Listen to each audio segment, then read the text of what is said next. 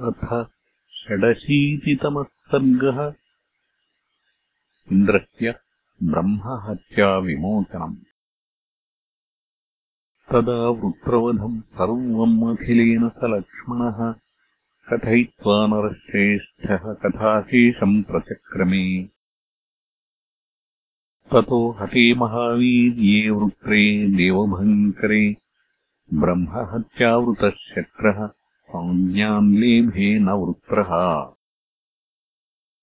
सोऽन्तमाश्रित्य लोकानाम् नष्टसंज्ञो विचेतनः। कालम् तत्रावसत् कञ्चित् वेष्टमानैवोरगः। अथ नष्टे सहस्राक्षे उद्विग्नम् अभवज्जगत् भूमिश्च ध्वस्तसङ्काशा निःस्नेहा शुष्ककानना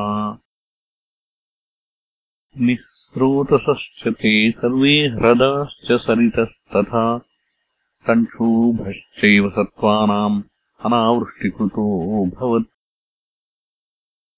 क्षीयमाणे तु लोकेऽस्मिन् सम्भ्रान्तमनसः सुराः यदुक्तम् विष्णुना पूर्वम् तम् यज्ञम् समुपानयन्। ततः सर्वे सुरगणाः सोपाध्यायाः सहर्षिभिः तम् देशम् समुपाजग्मुः यत्रेन्द्रो भयमोहितः। ते तु दृष्ट्वा सहस्राक्षम् आवृतम् ब्रह्महत्यया।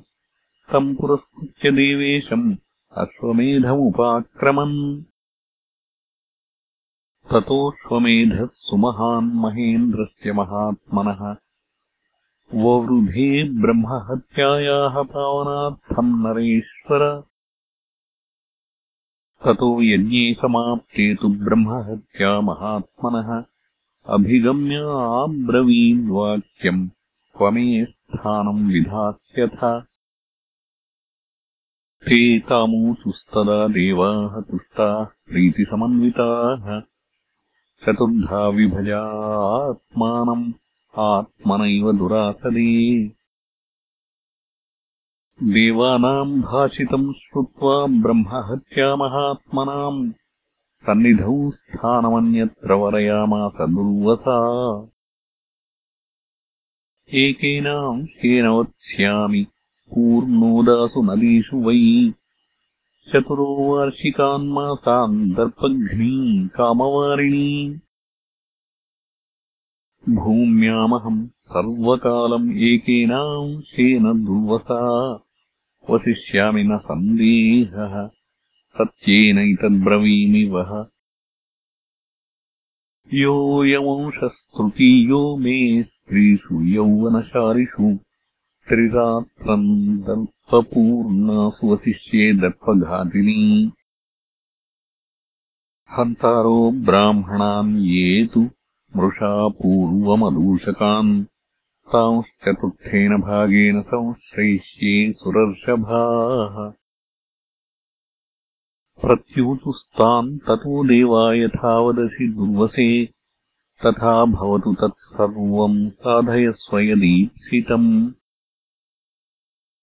ततः प्रीत्यान्विता देवाः सहस्राक्षम् ववन्दिरे विज्वरः स च पूतात्मा वासवः समपद्यत प्रशान्तम् च जगत्सर्वम् सहस्राक्षे प्रतिष्ठिते। यज्ञम् चाद्भुतसङ्काशम् तदा शक्रोऽभ्यपूजयत् ईदृशो ह्यश्वमेधस्य प्रभावो रघुनन्दन। यजस्वसुमहाभाग हयमेधेन पार्थिव। इति लक्ष्मणवाक्यमुत्तमम्। नृपतिरतीव मनोहरम् महात्मा परितोषमवापहृष्टचेता निशमय्येन्द्रसमानविक्रमौजाः इत्यार्षे श्रीमद् रामायणे वाल्मीकीये आदिकाव्ये उत्तरकाण्डे षडशीतितमः सर्गः